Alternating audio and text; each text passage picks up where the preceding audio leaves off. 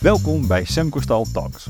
In deze speciale editie van de podcast blikken we terug op de 15 afleveringen die we tot nu toe hebben opgenomen en blikken we vooruit op wat er komen gaat.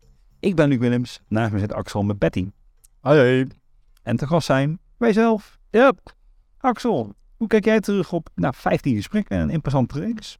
Ja, ik moet zeggen, ik wist niet dat ik het uh, uh, zo interessant uh, ging, ging vinden.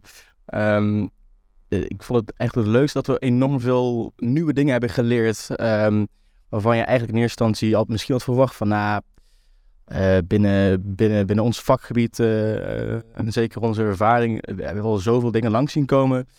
Um, wat is er nog nieuw? Maar ja, dat is misschien een hele, misschien een hele arrogante gedachte, maar we hebben ongelooflijk veel nieuwe, nieuwe dingen geleerd. En dat lerende vermogen is eigenlijk wel het, het hoogtepunt wat ik eruit heb gehaald. Om er een concreet iets uit te halen, um, is eigenlijk dat we, um, wat vaak terugkomt in de podcast, dat we systemen hebben gebouwd op basis van wantrouwen. Um, en het, een van de leukere dingen die in de podcast terugkwam, waar uh, we in gesprek gingen met onder andere een oud commando en een, en een ondernemer. Die de, de CIA Field Manual gingen uitleggen, waarin ze eigenlijk dat systeem van wantrouwen, uh, op basis dus van flinke HR-handboeken, hoe je wel niet zou moeten vergaderen, um, volledig neerzetten als, ja, als je dit zou volgen, dan gaat het eigenlijk allemaal slecht. waarin ze lieten zien, um, nou, zoveel mogelijk mensen bij elkaar, zoveel mogelijk vergaderen, en als er dan een besluit wordt genomen, altijd in twijfel trekken. Dat vond ik wel een hele mooie. Dat laat toch wel zien dat we, ja, waar we mee bezig zijn in overleggen en vergaderen, dat we eigenlijk vaak helemaal niet effectief bezig zijn. Een, uh, een vrij volledige beschouwing, op, uh, terugblik op het gesprek dat we dus ver. Een andere formulering is dat je best lang praat. ook. Uh, maar ja, uh, dat was inderdaad een mooie observatie. Dat field manual en dat zegt iets over hoe we organisaties dagdagelijks en hier en, hier en nu werken. Uh, waarmee ik ook wel meteen een belangrijke vraag op heb, Axel. We hebben onze, uh, onze podcast altijd in het teken gesteld van de toekomst van werk en hoe uh, werk zich gaat ontwikkelen. Desondanks gingen veel van onze gesprekken ook over dat hier en nu. Wat hebben we nou eigenlijk gehoord over de toekomst van werk? Nou, wat ik zeg wel een, een, een mooie trend vond met betrekking tot de toekomst van werk uh, is dat er een, een, een nieuwe generatie uh, aankomt en, uh, en, weliswaar nu bezig is, maar praat over hoe zij in, in de toekomst zouden willen werken, die volledig afwijkt van hoe het in het verleden ging. waarbij het woordje zingeving vaak naar voren is gekomen, um, wat eigenlijk helemaal niet vooraan staat in een organisatie als je ergens binnenkomt. Maar de vraag waarom werk ik hier? Um, uh, en is jouw werk nuttig en op wat voor manier draagt dat bij aan uh, je eigen doel of je het doel van de organisatie?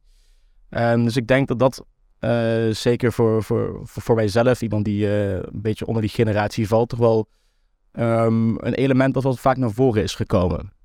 dat vond ik op zich wel, wel bijzonder, dat, dat het vanuit verschillende hoeken, academici, pioniers, dat het allemaal terugkwam. Ja, het thema zingeving doen we ook denken aan de meest recente podcast, hè, de impact van een bevlogen werknemer.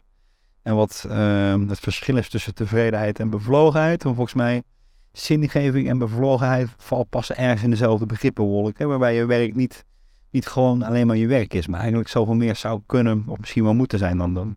Ja, ja nou, ik, ik, vond, ik vond de meest duidelijke uh, schets die, uh, die Willem van Renen gaf is tevredenheid is natuurlijk iets waar, uh, waar je van oudsher eigenlijk wel, uh, nou, wel blij mee bent. je hebt er plezier in als je ergens tevreden over bent. maar het is wel een passieve vorm. dus als je bevlogen bent, dan heb je ook plezier in iets. Dan sta je in een actieve vorm. ik vond het, um, het beeld wat, wat, wat, die, wat, wat, wat die schepte... En met betrekking tot, stel je eens een tevreden persoon voor. Iemand die gaat achteroverleunen, handen in de haren... Uh, tegenover iemand die bevlogen is, die gelijk opstaat en uh, aan de slag gaat. Vond ik wel een hele mooie. Dat waren zo wat podcasts die we ergens richting het einde van de reeks opnames hebben gedaan. Hè? Zowel die van commando's en uh, die over impact van bevlogenheid en betrokkenheid. En aan het begin van de reeks hadden we wat andere thema's. Ik moet denken aan een podcast over nieuwsgierigheid met een schoolleider en Nemo. We hadden ook een aflevering over narcisme en hebzucht. Wat, wat, wat is jij zo bijgebleven van die aflevering? Um, wat me het meest is bijgebleven, en ik geloof dat er direct na die opname in het AD een artikel verscheen Um, getiteld Het narcisme in Nederland stijgt. Dat er toch een, een wezenlijke trend was waar ik me eigenlijk totaal niet van bewust was. Daar zoek ik eigenlijk wel van. En ook uit het onderzoek van, uh, van Tine Buil zelf bleek dat het um, uh, zeker in Amerika, maar ook wezenlijk waar in Europa, met betrekking tot narcisme en hebzicht toch wel niet heel geweldig gesteld is.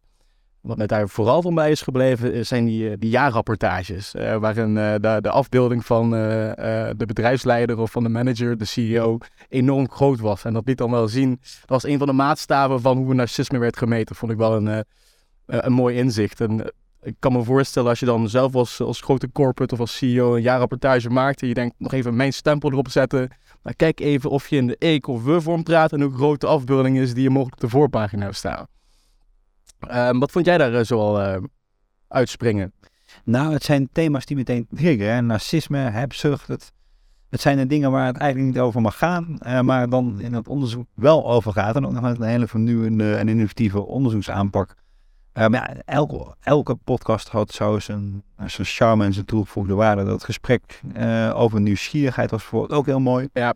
Uh, je hoeft een kind niet te leren leren. Leren is hetgeen wat ze het beste kunnen. Uh, dus leervermogen en nieuwsgierigheid zijn eigenlijk misschien wel onze eerste natuur. Organisaties kwamen erachteraan. En vervolgens zijn we voortdurend bezig om die organisatie weer een beetje te plooien naar dat wat we van nature allemaal al lang kunnen, eh, ja. willen, eh, weten en doen. En ehm, ja, dat maakt de cirkel in die zin ook weer rond.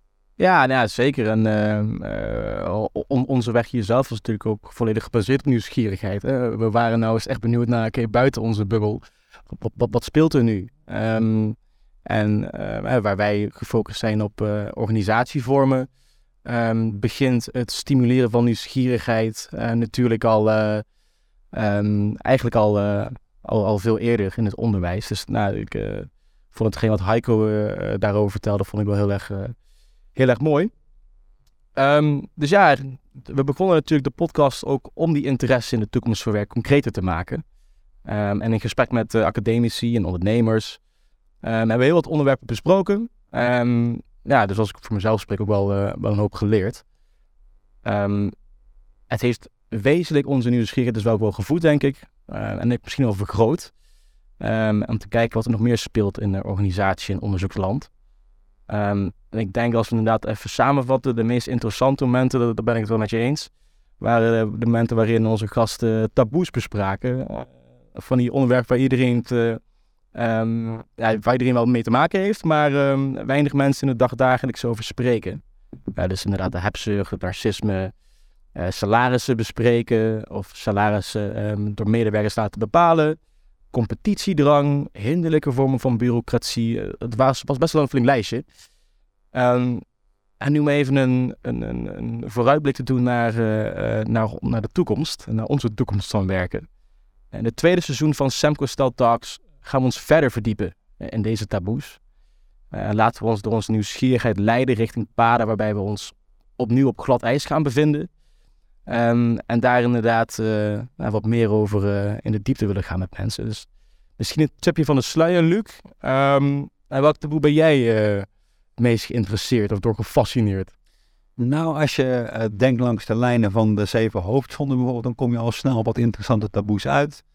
Um, uh, luiheid bijvoorbeeld. Ik ben wel gewoon benieuwd, wie werkt er nou gewoon voor het geld? En dan bedoel ik niet uh, een, een, een, zo'n zo, zo, zo baan aan de onderkant van het spectrum, maar waar gewoon keihard ploeter is. Waar je sowieso vermoedt dat mensen doen voor het geld. Met, met alle lof en respect uh, vanuit mij. Ik ben me bewust van onze eigen positie op de arbeidsmarkt. Maar stel je hebt een goed betaalde kantoorbaan, maar eigenlijk doe je het gewoon voor het geld. Ja. Wie is dat nou? En waarom?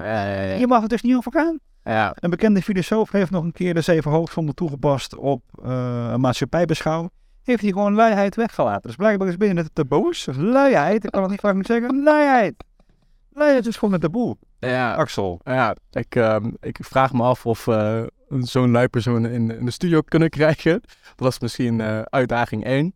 Daar ben ik wel benieuwd naar. Van ja, als je nou gewoon echt helemaal niet geëngageerd bent. Het gewoon echt gewoon doet van 9 tot 5.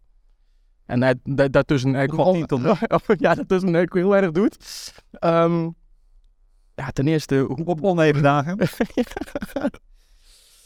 de zomermaanden sowieso niet, want... eh, ja, En in december gaan we al richting de kerst. ja, dus in, in die drie, vier maanden dat je operationeel eh, actief basic zou moeten zijn. Ja. Ehm, Meld je. Meld je alsjeblieft. Ehm, ja, dat, daar willen we het eigenlijk ook, ehm, ook mee eindigen. Ehm, we zijn ook heel erg benieuwd naar eh, wat jullie als luisteraars nou een heel eh, tof onderwerp, tof taboe vinden. Of misschien wel een toffe gast vinden. die bij ons in de studio eh, plaats mag komen nemen. Dus een open verzoek naar jullie allemaal. Stuur een mailtje naar hallo@semcostijl.nl met het taboe dat je wilt dat wij bespreken. of een suggestie van een gast met wie je wilt dat wij in gesprek gaan. Ja, dus anders gezegd. Wat zijn nou de onderwerpen waar het eigenlijk niet over mag gaan? En waar wij het dus wel over moeten hebben? Ja, Eh, denk daarover met ons mee. Dan zien, horen en spreken we jullie graag eh, bij de volgende edities van de Semper Talks. tot ziens. Tot ziens.